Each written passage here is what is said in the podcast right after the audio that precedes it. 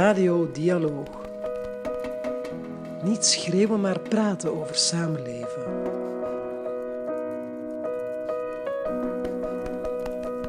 Ik ben pessimistisch van reden, maar optimistisch van wil.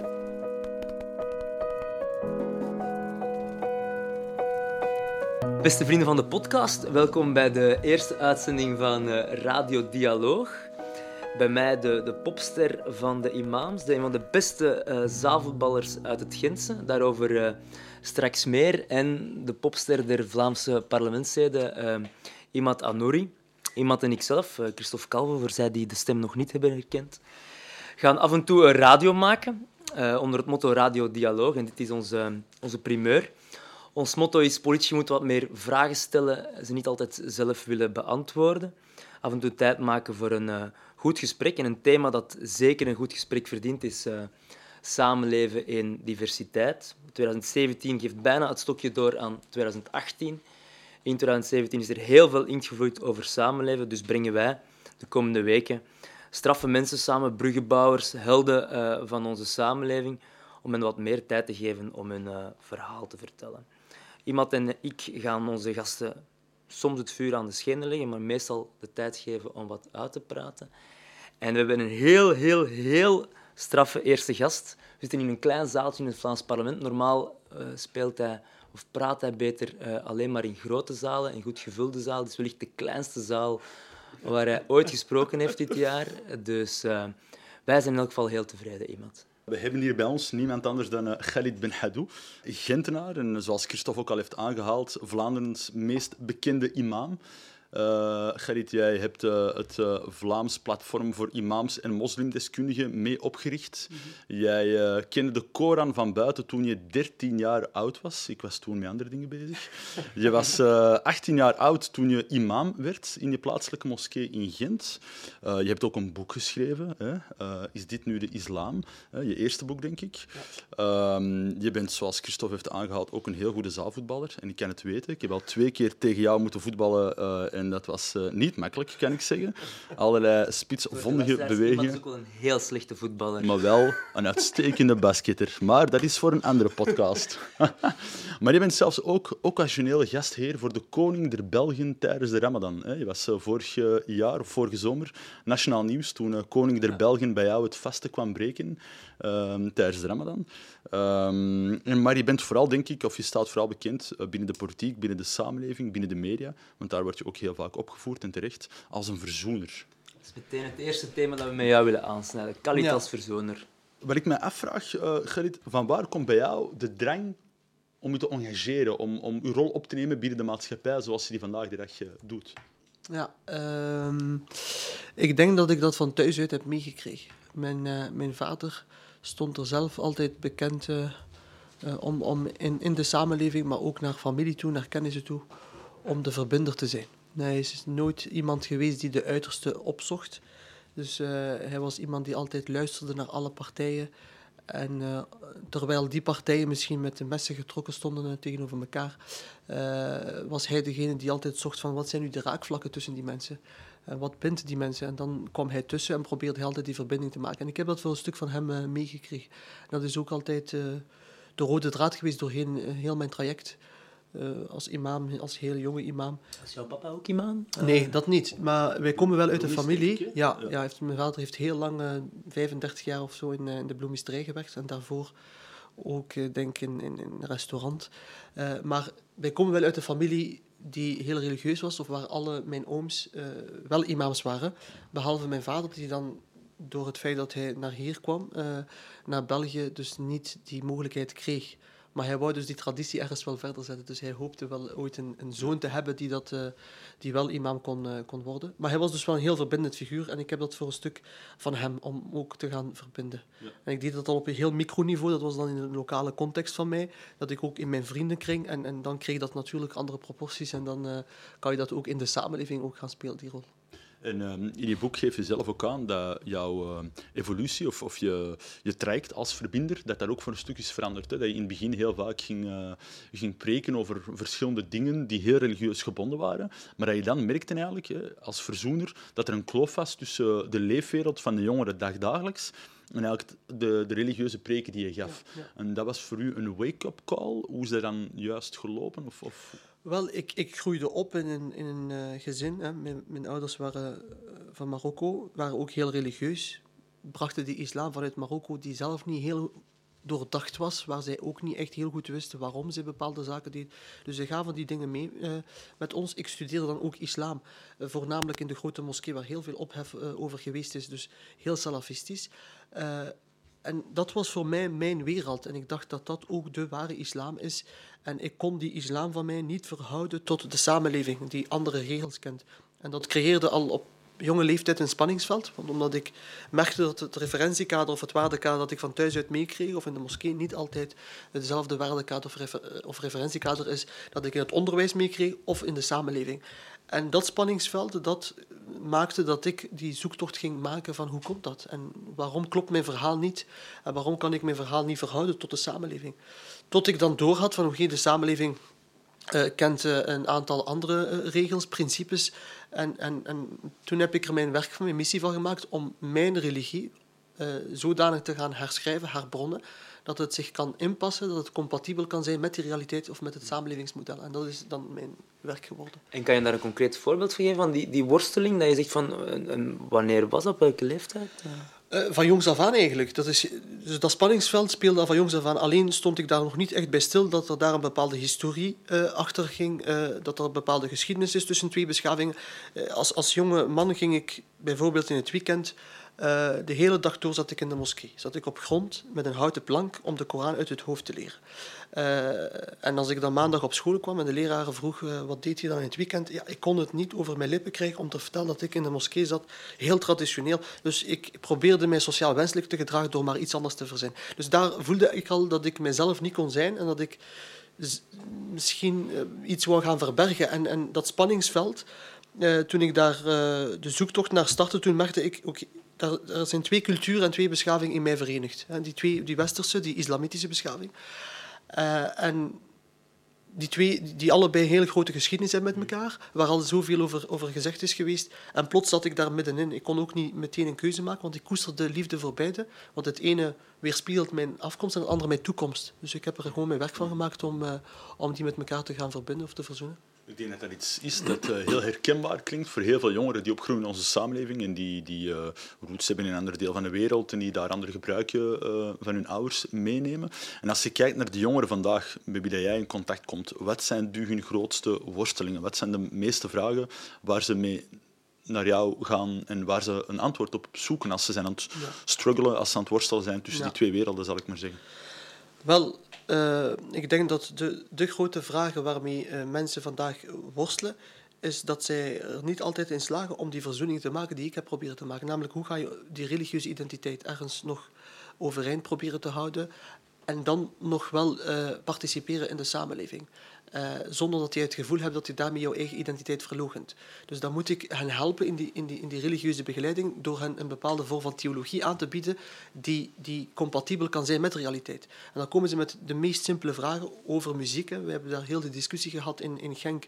Uh, wel, dat zijn echt vragen die ook leven bij heel veel moslims, omdat zij meer dan ooit vandaag teruggrijpen naar hun islamitische identiteit, want zij worden daar te vaak op aangesproken en dan, dat, creëert het omgekeerde effecten. Uh, mensen die aangesproken worden op een stuk van hun identiteit uh, gaan daar meer naar teruggrijpen. En, en wanneer ze daar naar teruggrijpen, dan worden ze heel vaak geconfronteerd met een eenzijdige vorm van islam, salafistische, heel orthodox, en dat is voor hen de islam. En die is vaak niet compatibel met, met ons model in de samenleving. En daar begint voor hen die worsteling. En dan moet ik proberen hen binnen dat referentiekader waar zij zich op beroepen, namelijk die Korantekst, die islam, naar een discours te, te begeleiden dat wel voor hen het gevoel geeft, goed, dat is nog altijd islam, dat is voor mij aanvaardbaar. En hiermee kan ik mezelf ook nog actief maken in de, in de samenleving. Het is iets, een woordje dat we overal horen. Het is een heel simpele vraag. Leven we vandaag in gepolariseerde tijden als het gaat over islam? Ja, ik denk dat niemand dat kan ontkennen, dat er uh, dat er gepolariseerd wordt en dat er vooral soms uh, specifiek naar de islam gepolariseerd wordt. En dat men heel snel, wanneer men praat over islam en moslims, vervalt in groepsdenken. Dat men geneigd is om heel de gemeenschap soms weg te zetten, verantwoordelijk te stellen voor zaken die gebeuren door gevaarlijke eenzaten. En dat men voor een stuk in, in som, vanuit sommige hoeken zelf aan islam bashing doen. En dat baart mij voor een stuk wel, wel, wel zorgen dat we in, in zo'n klimaat zijn terechtgekomen. Zeker in een samenleving waarin we constant onderstrepen dat het individu centraal moet staan, gaan wij in onze analyses over islam en moslims toch wel vervallen in groepsdenken. En dan die groep wel volledig gaan, gaan wegzetten. En, en dat zie je vandaag oprukken in heel Europa. En dat baart me wel voor een stuk zorgen. En net in, net in die tijden steek je dan ja, enorm jouw nek uit. Hè? Want je zegt van, ja, ik heb, je stelt jezelf een hoge ambitie om een stukje jou, ja. jouw religie te updaten en daar jonge mensen voor, voor warm te maken. Tegelijkertijd heeft de islam nog nooit zoveel onder vuur gelegen. Wat is, is het soms niet geweldig vermoeiend om, om, om brugfiguur te zijn? De, ja, dat de, is... de krachten waar je tegenop neemt, zijn ook wel met heel veel. Dat is heel vermoeiend, omdat als je in het midden staat, dan dan vraagt dat denk ik volgens mij veel meer intellectuele oefening. Want in het midden staan betekent dat je eerst de standpunten moet begrijpen van, van de beide uitersten. En waarom zij bepaalde gevoelens en emoties hebben, en gevoelens van onbehagen. En, en hoe kan je dat allebei gaan kanaliseren? Hoe kan je uit, uit, die emoties toch wel iets rationeels gaan halen, waardoor je die, die, die groepen met elkaar kan verbinden? Dus dat is denk ik een hele, hele moeilijke oefening, omdat je ook niet altijd voor iedereen goed kan doen. Uh, je, je staat tegenover, of tenminste, uh, er wordt geacht dat je een bepaalde gemeenschap vertegenwoordigt Terwijl ik ook niet natuurlijk die ambitie heb om, om heel de gemeenschap te vertegenwoordigen, omdat ik besef dat die diversiteit binnen die eigen gemeenschap gigantisch groot is en dat ik nooit spreekbuis kan zijn van alles aan iedereen. Maar je wordt wel geacht een spreekbuis te zijn. Uh, en je kan nooit volledig goed doen voor die achterban of die gemeenschap, omdat ze net zo, zo, zo, zo divers zijn. En, en, en, en de samenleving kijkt ook dan uh, als, als aanspreekpunt naar jou en legt soms heel hoge verwachtingen, de lat heel hoog. Want voor sommigen ben je hè, misschien, ik ga nu kort door de bocht, te islam, te moslim en verander weer niet islam of niet moslim genoeg. Hoe ga je, daar, hoe ga je daarmee om? Voor dat? Wel, Ook ik... omdat je nog geweldig, eigenlijk geweldig jong bent, want ik denk dat...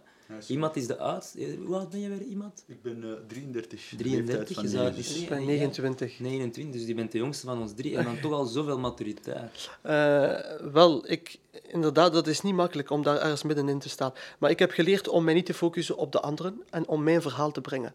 Ik wil niet van mijn verhaal maken dat ik, dat ik op de anderen moet gaan schieten of, of dat ik mij door anderen moet laten uh, laat begeleiden in, in hetgeen wat ik wil brengen. Ik breng mijn verhaal en mensen die zich daarin kunnen terugvinden, ja, dat is goed. Mensen die het daar niet mee eens zijn, vind ik ook goed, zolang men met respect met elkaar, met elkaar in dialoog gaat. Hè. Uh, dus mijn bedoeling is ook niet om een kant-en-klare uh, oplossing aan te bieden, uh, een kant-en-klare islam aan te bieden. Die heb ik ook niet. Het enige wat ik wil doen is een dynamiek creëren waarbij dialoog, zelfreflectie, herbronning mogelijk moet, moet kunnen zijn, zonder dat we tegenover elkaar moeten gaan staan. Ik wou, ik wou nog heel even op dat laatste punt ingaan, of het voorlaatste punt, omdat dat zo herkenbaar is. Als je zegt van, uh, ik wil niet een gemeenschap vertegenwoordigen. Ik, ik volg jou daar ook helemaal in. Hè. Als, als politicus word je vaak, en als allochtone politicus natuurlijk, op zo'n uh, ja, op zo'n manier gepercipieerd. En mijn lijn is altijd heel duidelijk geweest. Ik ben een deel van een gemeenschap, of mijn identiteit is voor een stuk dat, maar niet meer dan dat. Maar ik denk voor een stuk dat het probleem, en ik ben benieuwd naar jouw mening daarover, is dat heel veel mensen denken dat er slechts één waarheid kan bestaan. Terwijl ik denk dat als het gaat over religiebelevenis, dat iedereen dat op zijn eigen individuele manier kan doen, van heel progressief tot heel conservatief, en dat mensen zelf op zoek moeten gaan op een kritische manier naar de manier die het beste aansluit bij hen. Zo doe ik het. En ik heb altijd al gezegd van wie dat het met mij eens is, de beter. Wie dat niet met mij eens is, ga zeker op zoek naar die eigen antwoorden. Denk je dat dat een boodschap is waar we vandaag de dag nog veel te weinig over horen? Wel, ik denk dat hij dat heel goed uh, uh, schetst. Hè. Uh, Dank u wel. Het is wel belangrijk. Je moet, je weet, iemand heeft af en toe nood aan, aan bevestiging. Aan dat bevestiging. Eigen, We dat gaan dat af en toe eens doen. beroepsgroep. uh. Wij gaan dat af en ik toe heb, eens Ik ben eerlijk, ik heb, ik heb dat ook wel af en toe. Uh. Ik heb perfect om complimenten, dus ik geef ook graag aan mezelf. Dus, uh, nee, maar uw vraag was, uh, was schitterend. wij komen uit een, uit een context waarin, waarin mensen ervan uitgingen dat zij de waarheid in pacht hebben. Dat is, dat is uh, meegekomen vanuit de periode waar, waar geloof hier al centraal stond. Want mensen die religieus zijn, doen vaak waarheidsclaims. Ook binnen de katholieke kerk ooit hier zei men extra axiliciam nulla salus. Alles wat buiten de kerk valt, kent geen heil. Dus de heil kon je enkel maar vinden binnen de kerk, dus daar is die waarheid. het modernisme dat daarop gevolgd is en dat eigenlijk God uh, uh, aan, de, aan de kant heeft geschoven, heeft exact hetzelfde gedaan. Heeft vanuit weliswaar een hele andere kader, niet meer een geloofskader, heeft ook een waarheid opgeworpen.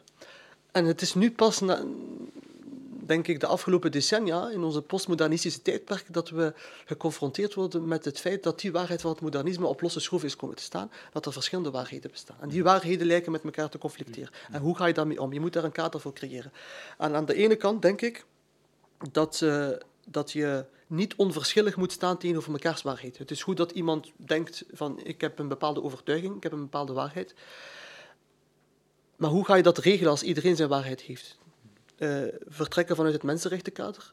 Allereerst, ik vind dat heel belangrijk omdat het mensenrechtenkader ons net die vrijheid waarborgt om te kunnen denken en, en, en te weten wat ik wil. En ten tweede moet je daar niet onverschillig tegenover staan moet je eigenlijk een ruimte creëren waarin die waarheden met elkaar in dialoog kunnen gaan, waarin mensen hun diepste identificaties en drijfveren kunnen uitdrukken en dan tot een nieuwe synthese kunnen komen waar we onze samenleving op kunnen bouwen. Dat brengt ons eigenlijk echt bij het tweede thema dat we met jou hadden aansnijden, de plek van religie in de samenleving. Nee. Um, het is uh, onder andere Loobuik die zegt, uh, Patrick Loobuik, ook denk ik Gentenaar, uh, als ik me niet vergis... Hij geeft wel les in Gent, Universiteit van Gent, maar ik weet niet of hij daar ook wonende uit, is. Ik, ik, weet dat hij ook les geeft in, in, in Antwerpen, Antwerpen. ja. de enige grootstad waar dat niet actief is, is Mechelen. Uh, dat kon je niet laten. ja, dat is uh. Jullie, jullie hebben er ook geen universiteit, hè, we, maken er, we maken er werk van iemand. Het is Patrick Loobuik die zegt van een deel van, van de onwennigheid of van de, de moeilijkheid van het gesprek over religie in de samenleving heeft te maken met het feit dat je ja, in, een, in een samenleving waar, waar religie zich een stuk heeft teruggetrokken, en waar men niet meer echt gewend is om die confrontatie te hebben of te laten plaatsvinden. Dus is misschien zelfs iets dat niet meteen of niet altijd met de islam te maken heeft, maar een samenleving die gewoon de laatste jaren minder religie en plots moeten we daar weer over praten. Herken je je daarin? Ja, zeker en vast. Zeker en vast. Ik denk dat we de afgelopen decennia, sinds de jaren 60, een enorme secularisering hebben gekend, een ontkerkelijking. En net op dat moment zijn we geconfronteerd met minderheidsgroepen die nog op een actieve, publiekelijke, assertieve manier aan religiebeleving doen. En dat creëerde een spanningsveld. En dat, dat spanningsveld ontaart vaak in twee uitersten. Aan de ene kant krijg je een groep die overal de islamisering om de hoek ziet loeren en dus aan niks wil toegeven. Vanuit een zekere emotie, vanuit een zekere gevoel van onbehaag uh, tegenover de islam of aversie tegenover religie in het algemeen. En de andere kant krijg je een groep mensen die alles kapot relativeert. Die in naam van vrijheid van religie bijna alle andere vrijheden misschien met de voeten wil treden, om maar niet tegen de borst te stuiten van een of andere gemeenschap. Dus je moet daar ergens een balans in vinden, je moet daar een evenwicht in vinden. En, en dat evenwicht dat kan je ofwel gaan zoeken in het juridische... Uh, in onze juridische arsenaal en zeggen: goed, het is aan de rechter om te bepalen wanneer bepaalde vrijheden uh, conflicteren met elkaar om, om die afweging te maken van welke vrijheid komt nu het meeste in gedrang. Wat eigenlijk in onze Belgische rechtsorde het vaakst gebeurt. Hè. Heel vaak vrijheid van religie heb je tegenover dierenwelzijn, tegenover andere zaken, moeten worden afgewogen. Maar ik denk dat onze juridische uh, normen vaak niet altijd toereikend zijn. Soms moet je ook naar sociale normen kijken. En dan moet je als maatschappij een platform creëren waarin je daarover op een constructieve, positieve manier over kan praten. Ik, ik geloof niet in een samenleving die enkel maar moet georganiseerd worden door wetten en regels en door juridische normen. En wij glijden wel af naar zo'n samenleving. Bij gebrek aan platforms waar we op een constructieve manier met elkaar in dialoog durven gaan over datgene wat ons lief is, over onze identiteit, over onze tradities, die soms moeilijk te veranderen zijn, lijken we altijd te grijpen naar de wet. Dus ik, ik hoop dat, dat sociale normen misschien wel de oplossing moeten zijn, maar daarvoor moet je inderdaad een, een klimaat scheppen waarin die dialoog met elkaar mogelijk moet, moet zijn. En waar je elkaar niet bij voorbaat, uh, wanneer je aan tafel komt, al het gevoel geeft van u hebt ongelijk. Uh, want als je al aan tafel komt en denkt ik heb gelijk, ja, dan, ja, ja. dan krijg je een dialoog in monoloog voor. Je geeft zelf ook terecht aan van er zijn verschillende emoties aan tafel op dit moment. Hè. Je hebt er net ook aangehaald, het zijn polariserende tijden. Wat mij ook opvalt is, je hebt een, uh, als je het dan hebt vanuit moslim versus niet-moslim, uh, zijn er heel wat mensen die inderdaad uh, het gevoel hebben dat de islam is aan het oprukken. Islamisering, zoals je zelf hebt aangehaald, het begint steeds dominanter aanwezig te worden. Anderzijds heb je heel wat moslims, van progressief tot conservatief, die net het gevoel hebben dat ze heel bedreigd worden in dat deel van hun identiteit en dat ze steeds minder mogen. Ik volg je pleidooi voor een platform waarin dat je met elkaar in gesprek kunt gaan, een dialoog kunt voeren, zonder dat je elkaar um, mm-hmm. wantrouwt of dat je, je verliezer voelt. Maar geef eens een voorbeeld. Hoe zou zo'n platform eruit moeten zien? Op, wat bedoel je dan? Bedoel je het maatschappelijk debat of bedoel je nog iets anders? Of?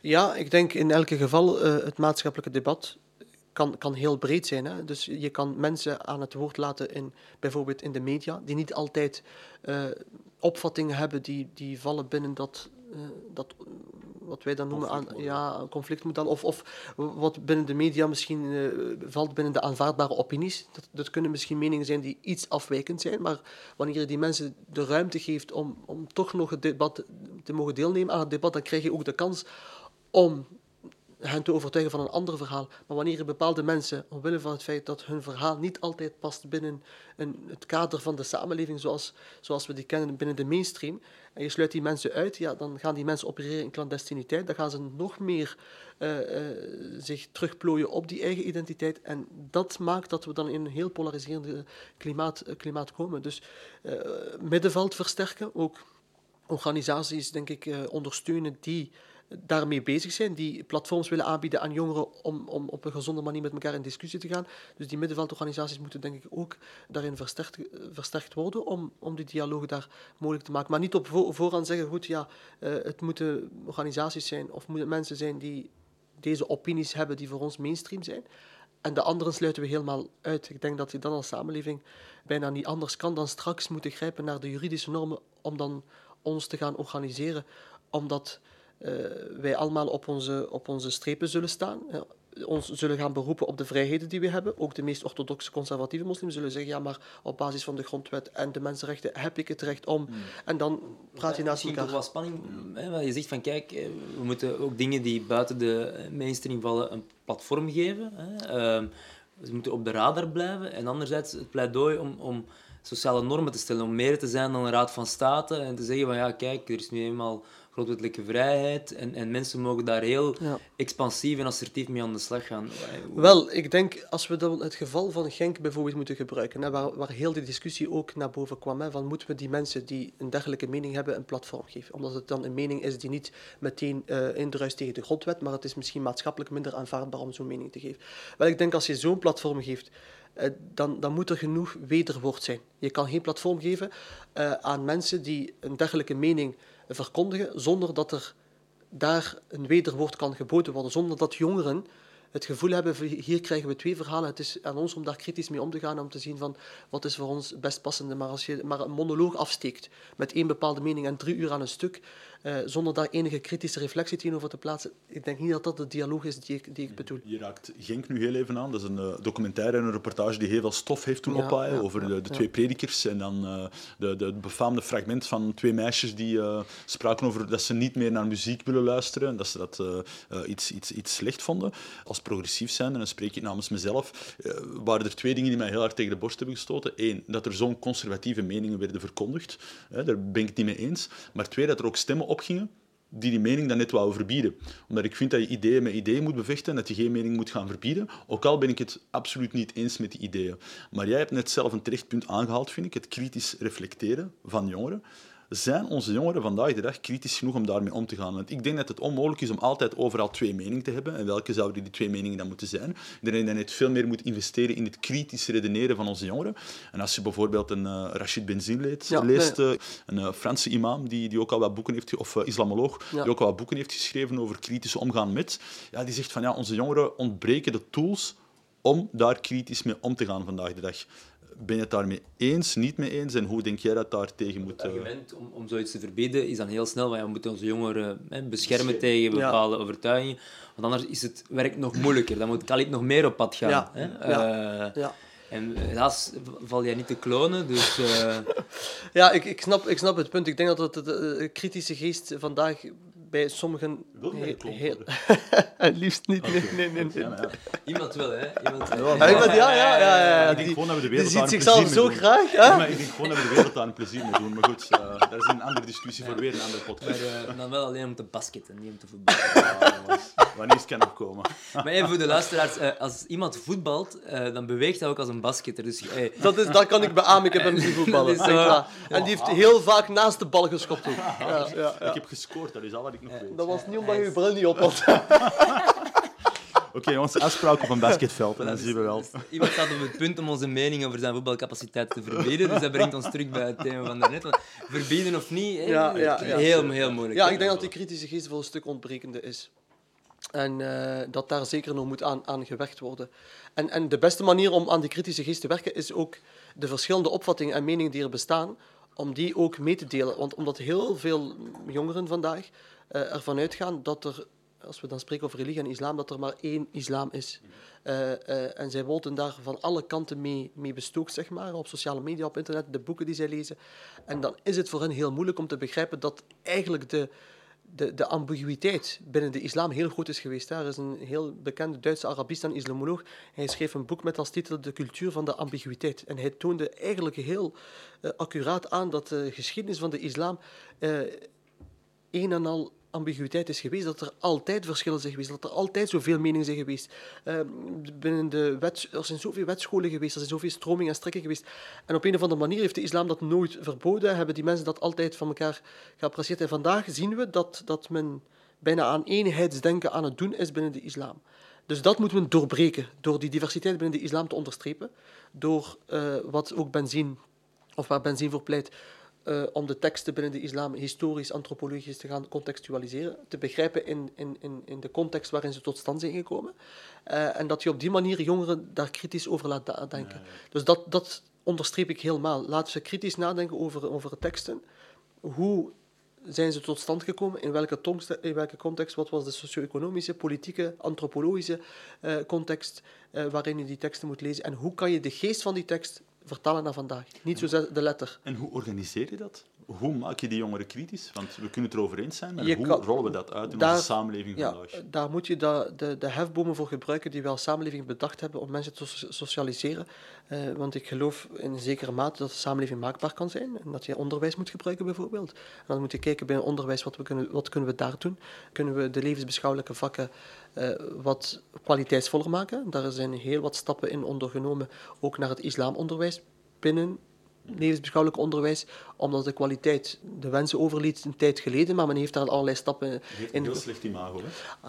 Ja, dat had inderdaad een heel slecht imago, maar als je ziet in welke context het islamonderwijs tot, tot stand is gekomen, daar is ook heel veel over te zeggen. Hè. De islam is erkend in 74, islamonderwijs is gestart in 78, de eerste inspecteurs zijn aangesteld in 2005. Hmm. Dus 78 tot 2005 waren er eigenlijk geen inspecteurs die konden toezien op, op dat islamonderwijs. Dus wij moeten een inhaalbeweging maken en ik weet dat mensen soms niet het geduld kunnen opbrengen, en heel snel resultaat willen zien, maar ik denk dat we daar wel misschien een aantal stappen hebben gezet. Daarnaast kan je misschien streven naar een vak zoals burgerschap, waar de burgerschapswaarde en de basiswaarde van onze democratie misschien meer tot uiting kunnen komen, en waar er ook plaats is om wat kritisch te reflecteren, los van de manier hoe je aan levensbeschouwing of wat je aan levensbeschouwing hebt hè, vanuit de zingeving.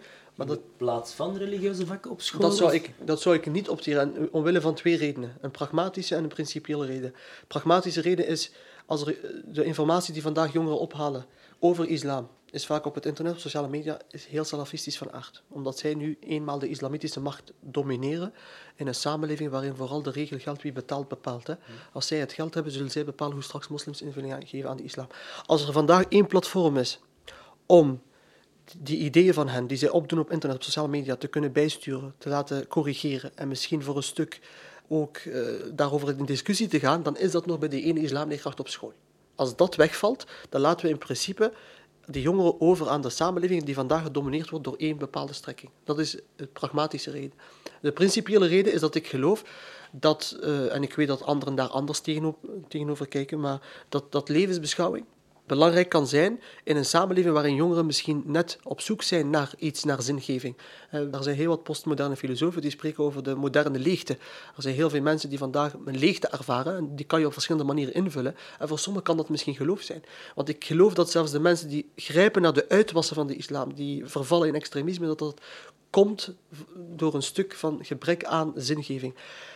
En ik vind ook dat als je een interlevensbeschouwelijke dialoog wil voeren, waar we ook heel hard moeten op inzetten in het onderwijs, dat je eerst voor een stuk zelf moet weten waar jouw levensbeschouwing voor staat. Mm -hmm. uh, en als ik afga op uh, de kennis die vandaag jongeren hebben over hun eigen levensbeschouwing, wel, dat is ook heel, heel ondermaats. Heel ondermaats ja, ja.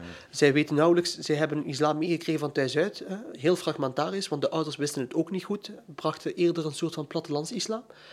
En het, de, dat is voor hen de islam. En als je dan doorvraagt van wat is de geschiedenis van de islam, 14 eeuwen lang, wat kan je daarover vertellen? dan komt er eigenlijk nauwelijks iets uit. En hoe kan je dan een dialoog gaan voeren met anderen als je zelf... Dat betekent dat we nog heel veel, zowel politiek als maatschappelijk, over religie en islam gaan hebben de komende jaren. Dat we zelfs net, net nog meer beleid, islambeleid, beleid rond religie, beleid rond burgerschap, of zeg je van, oh, niet te veel? Wel, ik zou zeggen, de-islamiseer het debat voor een stuk. Want vandaag lijkt men islam te zien in alles. Ook waar er problemen zijn die niks meer met islam te maken hebben, maar eerder met socio-economische uh, factoren, dat men daar ook altijd islam leest. Hè. Ik heb zelfs een school gehad in Brusselse, waar uh, op een bepaald moment sprake was dat, dat er een actie rondging voor het verkopen van wafels. En, en men stelde vast dat, dat enkel de moslimleerlingen geen wafels kochten. En men heeft dus het niet kopen van wafels gelinkt aan islam. Dus het, het, gaat, ook heel, het gaat soms heel ver. Wafels zijn lekker. Ja, ze zijn altijd niet haram vanuit de islam. Wafels mag je iemand uh, eten, mandarijntjes daarentegen. Ja, ja, ik wou, ik wou net een Die zijn verboden verklaard door Christophe. Ja, vrienden van de podcast, de luisteraar, er is er net bijna een conflict geweest tussen iemand en mij, want iemand eet graag mandarijntjes en ik heb een hekel aan mandarijntjes. Maar wafels, daar zijn we het over Christophe sprak zijn fatwa uit. Zeg maar, uh, Khalid, um, Khalid, wat je net zei, vind ik interessant om een opstapje te maken naar het volgende. Um, je had het net al heel kort aangeraakt, gewelddadig radicalisme, terreur. Um, natuurlijk het thema waardoor dat de polarisering heel hard is toegenomen, angst, de klimaat waarin we vandaag dreigt voor een stukje leven. Een eerste vraag die ik wil stellen, omdat ik jou uh, in het parlement ook een paar keer op die manier heb, uh, heb, heb ontmoet, gaat over we leven in een geglobaliseerde samenleving. De landsgrenzen vervagen, informatie gaat heel snel de ronde. Je hebt het net gehad over die eenheidsdenken en de eenheidsworst over het consumeren van religie en het uh, beleven van religie. Dat komt uiteraard ook voor een stuk door buitenlandse inmenging. Um, niet het minst door de petrodollars van Saudi-Arabië. Ja. En daar vind jij heel duidelijk van, daar moeten we iets tegen doen. Maar kunnen we daar iets tegen doen? Wel, dat is een heel moeilijke. Omdat ik denk in elk geval dat de klassieke instrumenten niet werken. Want ik hoor heel vaak in de politiek spreken van laten we de financiering stoppen. Oké, dat zou misschien voor een stuk helpen, maar als ik kijk naar Nederland, uh, daar is de financiering vanuit, vanuit Midden-Oosten, vanuit Saudi-Arabië, meer bepaald al heel lange tijd teruggeschroefd. Maar die mensen zijn in, intussen zelfbedruipend. Zij kunnen zichzelf organiseren zonder financiering. Uh, zij hebben geleerd om, om ergens financiën te halen bij de eigen gemeenschap, uh, sponsors die daar investeren. Dus het, het stoppen van financiering zou misschien een heel klein stuk helpen, maar het, het, zou niet de volledige oplossing kunnen zijn.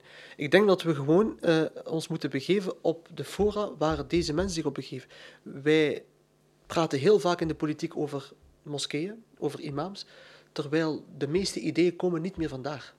De klassieke instellingen die bepalend waren voor uh, hoe vorm je het denken van mensen, ja, die, die, staan er niet alleen voor. Je hebt vandaag nieuwe spelers die meer bepalend zijn. En dat is sociale media, dat is internet. Dat, dat zijn websites die je moet maken, dat zijn boeken die je moet vertalen. En daar lopen we helemaal achter.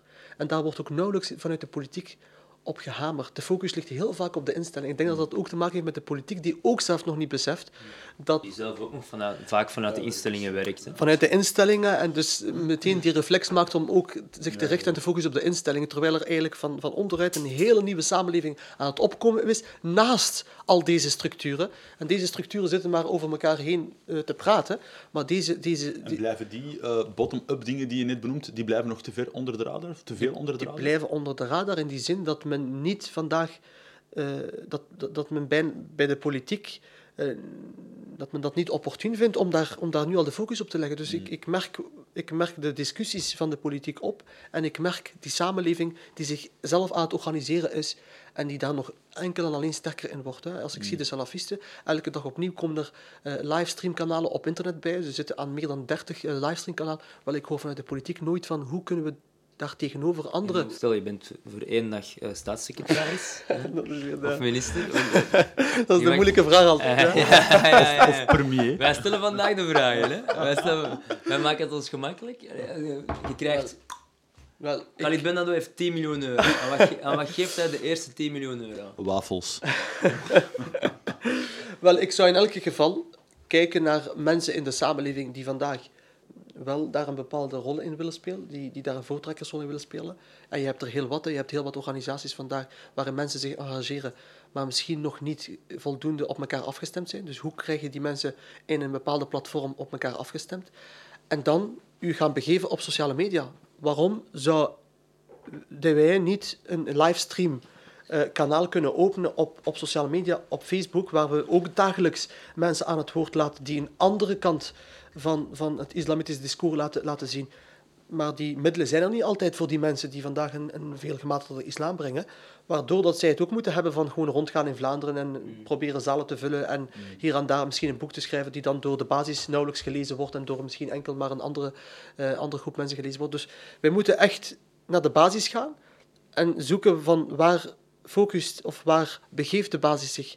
En, en zij begeven zich nog altijd op, op, op die fora en creëer daar de middelen voor om, om daar ook een discours te brengen dat voor hen begrijpelijk is. En ik denk dat het een taak is voor de moslimgemeenschap, en vooral voor de mensen die vandaag een gematigde uh, islam verkondigen, dat wanneer zij kiezen voor die gematigde islam, dat ze heel snel vervallen in een hele moeilijke intellectualistische discours, dat nauwelijks nog gedragen kan zijn door de basis. Mm. Dus hoe slaag je erin om een islam die heel goed doordacht is, die heel goed, uh, dus die heel kritisch is, om dat toch op een heel simpele manier naar de basis te vertalen, zoals al die terreurbewegingen er wel in slagen.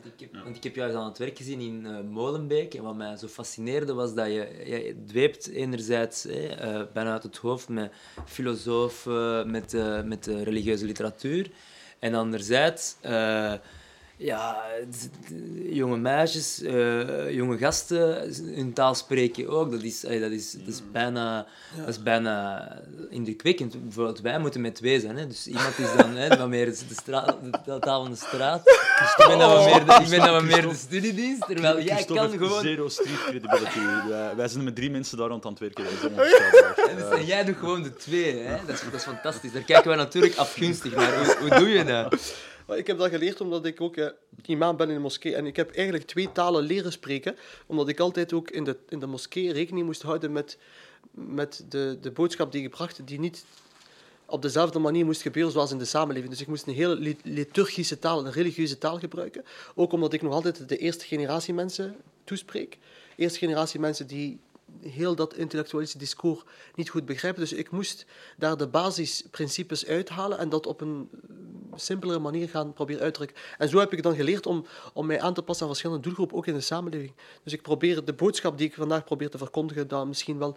De boodschap is altijd hetzelfde, maar... is altijd hetzelfde. Alleen, alleen uh, pas je aan aan de doelgroep. Uh, als ik spreek over wij moeten met elkaar leren leven, we moeten respect opbrengen met elkaar, wel, die, die basisprincipes en die basiswaarden die kan je ook op een veel simpelere manier uitleggen aan, aan andere doelgroepen. Dus op die manier probeer ik inderdaad... Maar ik denk dat dat de moeilijkheid is van velen vandaag. Hè. Je hebt bijvoorbeeld Rashid Benzine, die heel mooi werk levert. Maar zijn werken worden dan enkel maar gelezen door de crème de la crème binnen de intellectuele kring. Maar hoe breng je dat tot de basis? Is er een frustratie ook bij jouw boek? Vind je zelf ook dat dat genoeg de basis heeft bereikt? Of vind je dat jammer? Ik heb, ik heb al die oefening gemaakt. Dus ik heb er echt wel... Uh, en ik, ik denk dat ik er voor een stuk in geslapen. Want ik heb gezien dat het boek ook gelezen uh, werd door moslims zelf, die eigenlijk nauwelijks ooit een boek hadden gelezen. En sommigen zeiden, dit is het eerste boek dat ik ooit gelezen heb. En ik heb ook gezien dat politici en veel anderen en intellectuelen dat boek hebben gelezen. Mm. Dus ergens heb ik geprobeerd om daar een evenwicht in te bewaren, wat, wat een hele moeilijke oefening op zich is. Maar voor, voor mij mag het boek heel intellectueel zijn, maar je moet het gewoon straks niet daar ergens uh, laten en hopen dat mensen dat zelf zullen, zullen gaan lezen. Maar ga rond met dat boek. Ga de moskee rond, ga de scholen rond. Probeer dat te vertalen naar de doelgroep die je voor jou hebt. Ah, er heb nog een, nog een vraag, een, een stoute vraag misschien, heel kort. Uh, en dat is de analyse die we nu maken is voor een groot stuk breed gedragen. Hè, van hoe dat we ermee moeten omgaan, de uitdagingen, de fragmentering, dingen die onder de radar blijven. We moeten daar veel duidelijker iets tegenover zetten. Hè. Via sociale media heb je aangehaald. Tegelijkertijd heb je het maatschappelijk debat, waarin dat je keer op keer in de media ziet dat bepaalde dingen worden heel hard naar voren geschoven. Bijvoorbeeld, ik geef nu maar een paar stomme voorbeelden uit, uh, uit mijn hoofd. Iemand die de hand niet wil schudden van, van, een, van een schepen, of, of iemand die niet mee wil gaan op bosklassen, of wat dan ook, enzovoort. Symbooldossiers die dan enkele dagen leven in de media, waarin dan heel veel debat rond wordt gevoerd in allerlei tv-studio's, en die dan alle aandacht naar zich toe trekken, in plaats van de dingen die we net hebben aangehaald ik weet dat dat iets is waar heel veel progressieve mensen ook natuurlijk zich zorgen over maken. Mhm. Van ja, dit zijn inderdaad dingen die we toch niet kunnen aanvaarden. Mm Anderzijds heb je ook heel veel mensen die zich eraan irriteren dat dat weer de symbooldossiers zijn waar het over gaat, in plaats van de echte uitdagingen die er zijn. Vind jij dat de media daar, en dat is een stoute vraag, hun rol goed inspelen of niet? Wel, ik denk dat de media ook maar product is van, van de samenleving zoals hij is. En, en, en, en zij spelen ook maar mee in het klimaat dat vandaag bestaat. Ik, ik weet niet of wij de media moeten beschouwen als, als een subject, eerder dan als een object, als een instrument van wat in de samenleving geschapen is. Uh, kan de media daar op zijn eentje een verandering in brengen? Misschien, misschien wel. Misschien zouden ze veel meer moeten focussen op uh, de mooiere verhalen en op de, de, de essentiëlere zaken. Maar ik denk dat de media gewoon een product is van een samenleving die daar niet op staat te wachten. En die dan eerder ook wel uh, liever kijkt naar waar mensen tegenover elkaar staan en niet met elkaar. Ik kan me voorstellen dat dat bij heel veel redacties voor wat debat zorgt. Van, hè, brengen we dit nu ja of nee? Hè? Dat is ook een beetje de uitdaging waar wij als politie voor staan. Gaan we hier nu mee aan de slag, ja of nee? Want je kan, het is duidelijk dat een aantal voorbeelden die iemand geeft, hè, dat dat... Uh, na de klimaatopwarming en, en de kansarmoede komt in de orde der prioriteiten. Anderzijds ja, zijn het ook dingen waar dat je denkt van ja, daar wil ik mee werken aan de nieuwe sociale normering. Ik vind het, ik vind het persoonlijk eh, vind ik het eh, vervelend wanneer mensen elkaar niet de hand willen schudden. Hè. Het is dan de vraag van ja, hoe ga je daarmee, wel, wel, hoe ga je daarmee om? Want het, het, niet bespreken zou dan misschien weer ja.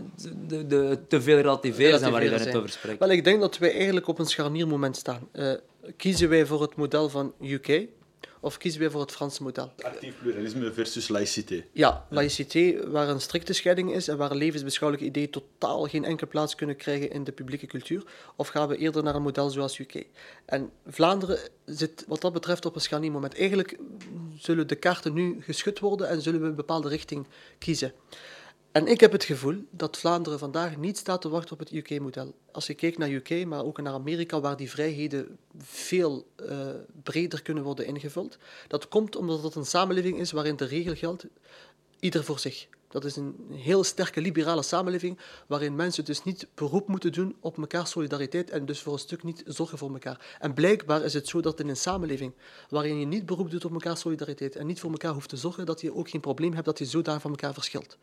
Maar in onze West-Europese landen, waar we nog een verzorgingsstaat hebben, waar we dus wel nog solidariteit uh, hebben en voor elkaar zorg moeten dragen, lijkt het dat wij die verschillen willen minimaliseren dat als ik zorg wil dragen voor u, dat ik eigenlijk niet zo uh, veel van u moet gaan verschillen. Dus ik denk niet dat Vlaanderen, tenzij we uh, onze sociaal welvaartsstaat moeten gaan afbouwen, dan kom je inderdaad in een samenleving waarin je zegt, goed, wij zorgen niet voor elkaar, maar dan trekt je plan en je kunt je beroepen op je vrijheden, op je grondwet, om, om te zijn wie je wil zijn, maar dan creëer je een parallele samenleving. En daar wil ik ook niet naartoe. Wat hij zegt, sluit een stukje aan bij wat Ingas de Vis geschreven heeft over empathie. Empathie, empathie te veel. Die, die, die, die eigenlijk zegt van, ja, mensen zijn zijn maar of, sneller geneigd om empathisch te zijn met, met mensen die men herkent, die op, die op hen lijken. Dat is een beetje wat je, wat je ook aanhaalt. ik stel dat gewoon vast. Ik vind het heel raar dat men in de UK en Amerika dat veel maximaal die mhm. vrijheid, dat, men, dat men daar dus de grondwet als basis gebruikt. Maar, en dat... maar, stel nu, we kiezen in ons land resoluut voor de Britse aanpak, hè, actief pluralisme. Hoe gaan we dan om met, met bijvoorbeeld die discussie uit Gent? Wel, er komt iemand, ja. uh, wil de hand niet schudden,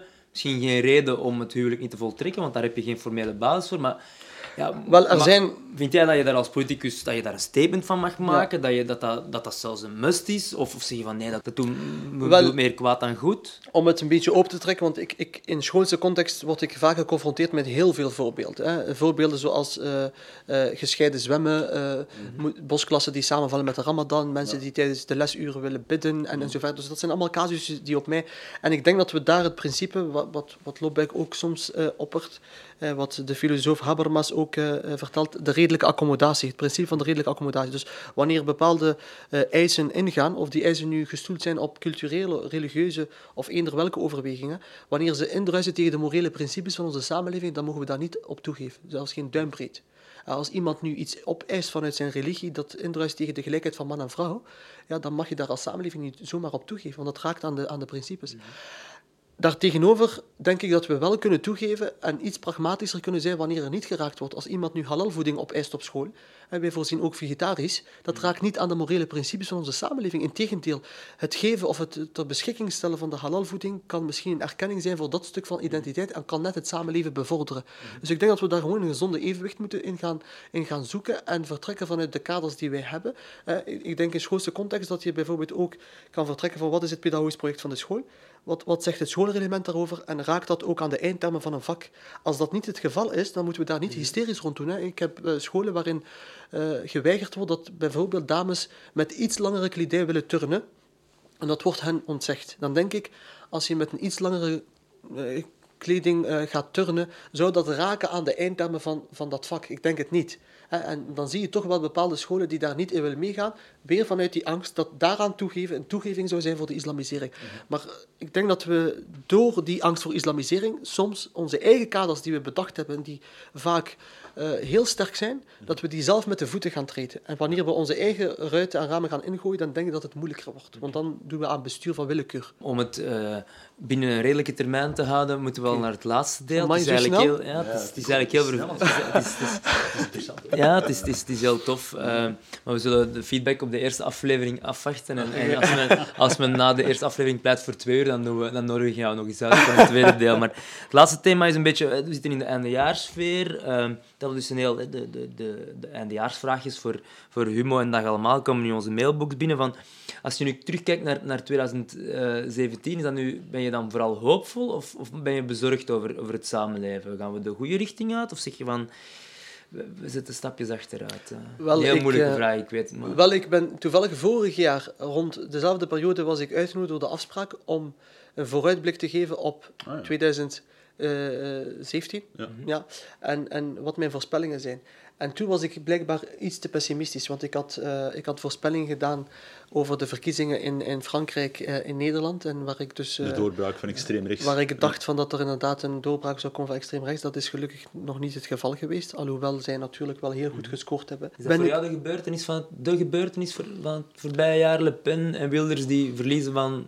Dat was één van de. Hè. Ik heb ook gesproken over Trump eh, in Amerika, wat mij ook zorgen baart, nog altijd trouwens. Dus daar ben ik iets meer. Langs nog uh, Ja, geretweet, hè, ja. de extreemrechtse Britse partij, Britain First, kijk. heeft uh, geretweet geweest door Donald Trump, inderdaad. Kijk, dus ik ben daar iets meer ongerust in als het gaat over, over Amerika, het beleid dat Amerika vandaag eh, voert. Maar ook Europa als project, het Europees project, staat nog altijd op losse schroeven. Dus ik maak me daar voor een stuk wel zorgen in. Europa vaart zonder geopolitiek kompas. Eh, je ziet dat, dat, dat, dat er veel meer eh, animositeit komt tussen de onderlinge lidstaten, dat die re- reactionaire reflexen terugkomen. En dat baart me naar de toekomst toe wel, wel voor een stuk zorgen. Maar ik zeg altijd, ik ben pessimistisch van reden, maar optimistisch van wil. Dus in de analyses denk ik dat we heel scherp mogen zijn. Dat we onszelf ook geen blaadjes moeten wijsmaken, maar dat we toch een zekere voluntarisme aan de dag moeten blijven leggen. Ik, denk, ik zeg altijd, vandaag moeten we optimistisch zijn, eh, dat nog pessimisme herhalen? Want ik, ik wil het even opschrijven, zodanig dat je pessimistisch van... van reden en optimistisch van, wil.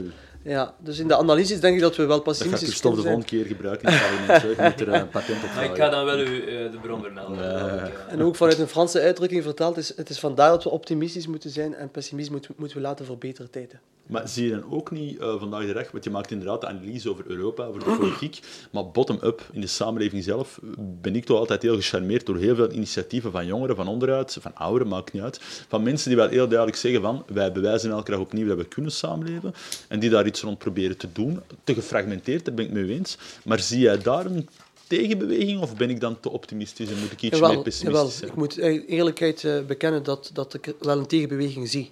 Alleen is die niet zo aanwezig, zo zichtbaar als de anderen. Ja. Ondanks het feit dat de anderen misschien dus niet zo talrijk zijn, maar blijkbaar wel invloedrijk en omgekeerd. En dus ik denk dat die, dat die nieuwe beweging nog kanalen moet zoeken hoe zij zich veel meer vocaal moeten gaan uiten en veel luider hun stem moeten laten weer klinken. Want Ja, anders ja, zouden we eens kunnen overstemd, overroepen worden ja, door, ja, ja. door, de, door de anderen. Eh, dus ik zie wel elke dag opnieuw nieuwe beweging komen en dat staat mij goed. Alleen denk ik dat ze... Dat ze centraal in het debat Centraal, moeten ja, ja, ja, ja, Dus ja. Wat is bijvoorbeeld zo één, voor jou één eh, hoopvolle ontmoeting, één hoopvolle gebeurtenis, één organisatie waarvan je zegt van die, daar, daar, die, hebben mij, die hebben voor mij 2017 echt een beetje Je beter mocht in deze podcast zeggen. Hè? Ja, wel zeker. Echt, ik, eh, mis- de eerlijkheid... Kom, nee, eh, nee, geef maar een nee, eerlijkheid. nee, nee, want de eerlijkheid... eh, eh, Het is al een half uur geleden dat we hem ook bevestigd hebben. Dus het is wel- wel, daarom, daarom. Je hebt een mooi Het is weer voorzet tijd voor gegeven, het ik ga hem half uur. inkoppen. Compliment. U bent, u bent de hoop.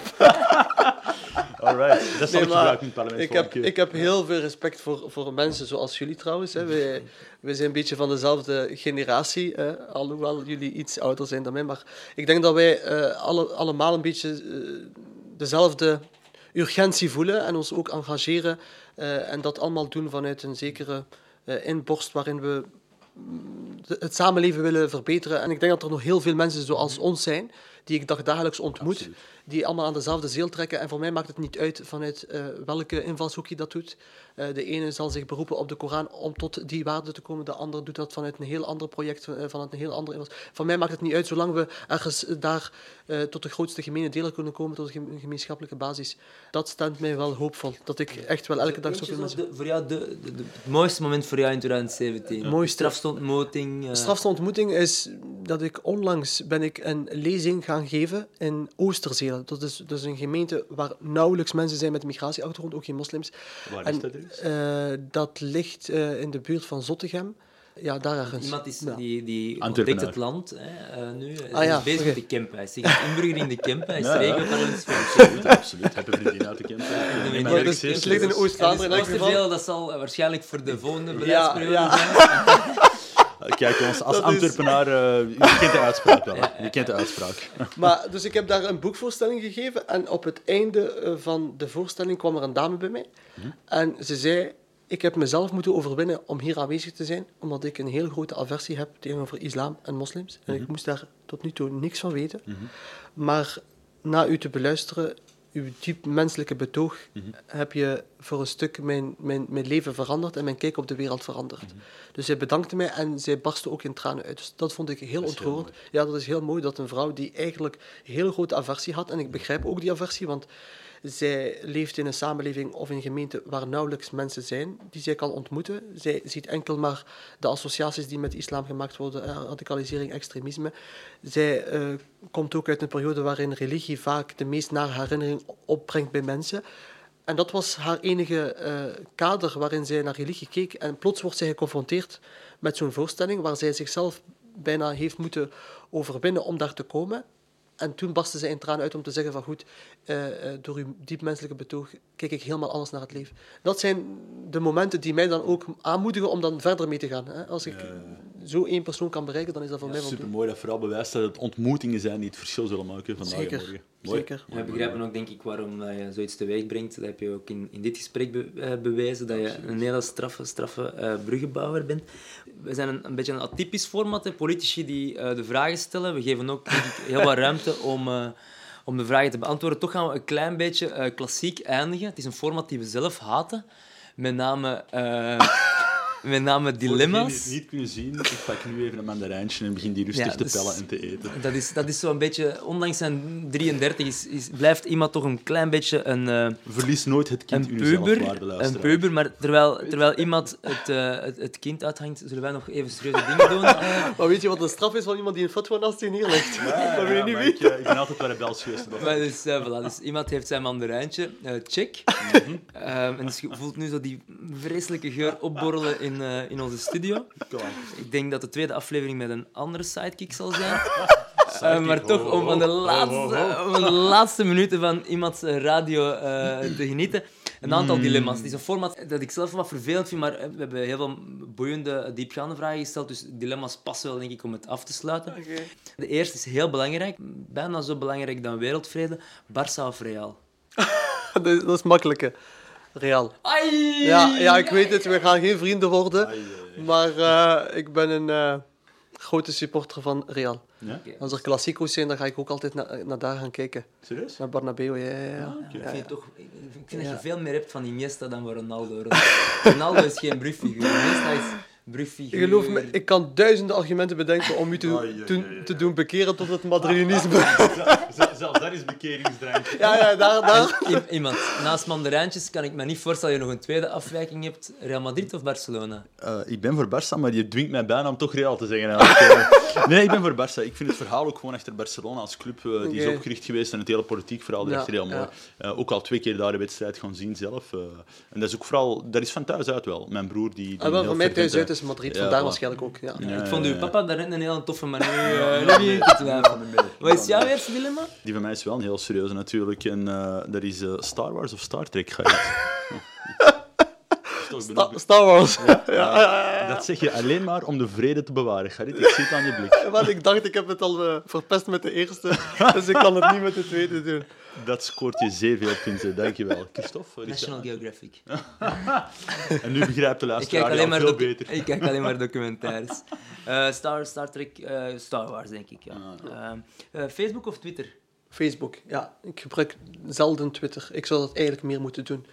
Maar eh, ik ben niet echt zo'n grote fan van al die sociale media. Dus het is al moeilijk voor, voor mij genoeg om, om zichtbaar te blijven op, op Facebook. Ja.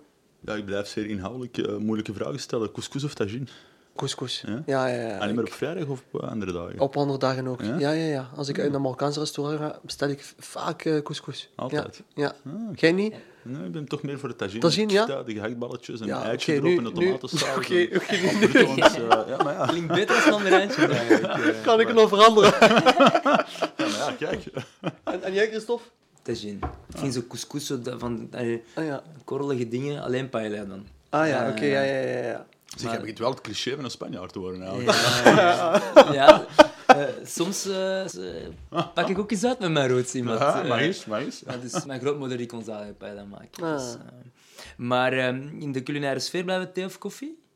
Eh, ik ben eh, koffiedrinker. Koffie, Ja, extreem veel zelfs. Jij bent het, meer de theeman, hè?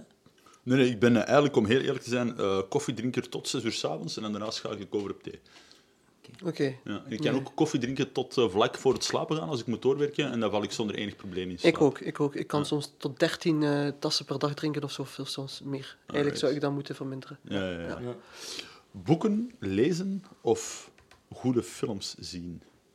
Boeken lezen. Ja? Ja, ik kijk wel veel naar films. Tenminste, als er goede films zijn. Maar ik heb het gevoel dat de laatste tijd er niet meer zo goede films worden gemaakt. Star Wars komt in twee weken uit. eh. Oké, dan... eh, eh, maar ik lees wel veel meer boeken. Wat is het laatste boek dat je hebt gelezen? dat Ik je- heb net uitgelezen Homo Deus. Ja. Ja, Ja, ik zie dat is een vervolg op Homo sapiens. Ja, Heel ja, ja. interessante boek. Ja, Dat- ik- dat is ja. een boek dat een veel eh, positievere kijk geeft op de wereld. Want wij Ja. denken soms, omdat we het beleven, dat we voor de ergste, tijd, ergste tijden staan. Ja. Maar eigenlijk eh, Helemaal niet. Helemaal niet. Geschreven door een prof uit Tel Aviv, denk ik ook. hè? Ja, ja, ja, klopt. Zijn naam is me nu ontgaan. Ja, dus eh, ik vind het ook een moeilijke naam. Ik heb het eerste boek enkel nog gelezen. Dus, ja, eh, een heel interessant boek. Ja, ja, alright. Okido. Ehm, de verleiding is groot om met de leestip te eindigen, maar toch nog eentje, omdat ik er zelf ook het antwoord niet op weet. Michelle Obama of Barack Obama? Dat is, dat is- Waar, waar is de vraag net? ja, Waar is de vraag net? Ja, Waarom moet je kiezen tussen de twee? Is het politieke inspiratie? Het is een dilemma. Ah, zijn met Ja. dilemma's. ze moeten soms eh, Ik- ja, zo gek zijn. Dan. Voor mij Barack. ja, ik kies ook voor Barack Obama. En wat is jouw laatste dilemma, eh, iemand? Antwerpen of Mechelen? Gerrit? Ik wil geen ruzie. Ah, Bruggenbouwer. Bruggenbouwer, Ja, bruggenbouwer. Hij, hij, maakt, hij maakt helemaal, hij maakt Ja, helemaal zijn reputatie. zijn reputatie Ja, dus ja. Als je zelfs eh, Antwerpen en, en Mechelen dichter bij elkaar kan brengen, dan Ik beschik vind je het over, schandalig dat je ze op gelijke voet zet trouwens. Maar goed, dat is over- uh, dan beschik je over bovenmenselijke kwaliteiten en, en goede smaak ook. Ik ben super tevreden. Ik was een beetje zenuwachtig voor onze eerste podcast. Jullie hebben dat super gedaan, echt waar. Moesten jullie ooit eh, van, van eh, houd geen pijl meer weten te maken, kies dan voor eh, Maar journalistieke wereld. Ik wil me graag verontschuldigen voor de moppen van Christophe trouwens. Uh, zowel naar u als de luisteraar toe. Ik vrees eh, dat we er niet uit kunnen blijven dat hij af en toe zo'n zegt. Maar die waren ook allemaal voorbereid. eh, Ja, ik wil jullie graag ook uitnodigen. Aanstaande zaterdag eh, wordt de prijs uitgereikt van de mensenrechten. En dat gaat door bij mij in de moskee in Gent. En het zou wel een eer zijn als jullie Absoluut. erbij kunnen We zijn. kijken of er nog een groene delegatie komt. Gerrit, ik heb jou er trouwens via Twitter voor eh, gefeliciteerd. Ja, ik wil ja, dat hier ook nog eens doen. Ik vind het echt heel knap en heel mooi dat je die prijs hebt gekregen. Dank u wel. Proficiat met, eh, met jouw eh, terechte bekroning. En als jij nog niks te doen hebt op 18 december, dat is ook voor de luisteraars, dan is er eh Next Stage. Dat is een inhoudelijk evenement Next van, eh, in het depot, vlakbij het station.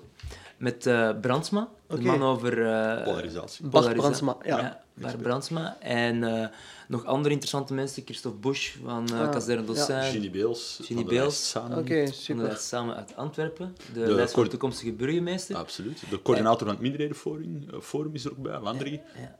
En dan Alona. Vele andere gasten. En Alona, eh, ex-diversiteitsambtenaar. Dus Ik, 18, eh, 18 probeer erbij te december. Iedereen van harte welkom, ook de luisteraars. Mensen die Zeker. nog suggesties hebben eh, voor de podcast, voor volgende afleveringen, om het nog beter te maken. Ja. Buiten het schrappen van de mandarijntjes, die mogen ons altijd mailen. en Volgende ons keer ook nog heel erg, heel erg bedankt. Uh, Khalid, we hebben er eh, Absoluut. heel veel aan gehad. Zeker best. Merci. Jullie ook, dank u wel.